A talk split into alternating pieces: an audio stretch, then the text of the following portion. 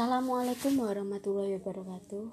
Perkenalkan nama saya Nur Handayani, NPM 17210059 dari kelas akuntansi 02. Di sini saya akan menanggapi podcast yang Bapak Suharno kirimkan.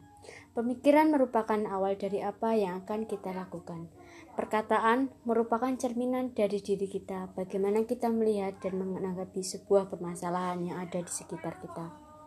Terkadang kita merasakan sebuah kekecewaan, entah dari orang sekitar atau bahkan keluarga. Terkadang juga kita merasa kecewa terhadap pemerintahan yang ada di Indonesia. Sebagai generasi muda yang berpendidikan, hendaklah kita melihat dan memandang permasalahan tidak hanya dari sudut, sudut pandang saja. Analisa terlebih dahulu baru kita berkomentar. Komentar dengan bahasa yang baik akan lebih membuat sisi positif seseorang lebih terlihat daripada sebuah cacian. Sebagai warga negara Indonesia yang baik dan memiliki etika, gunakan hak berpendapat dan hak berbicara kita dengan bijak. Berkomentarlah sebijak mungkin dan dengan bahasa yang baik.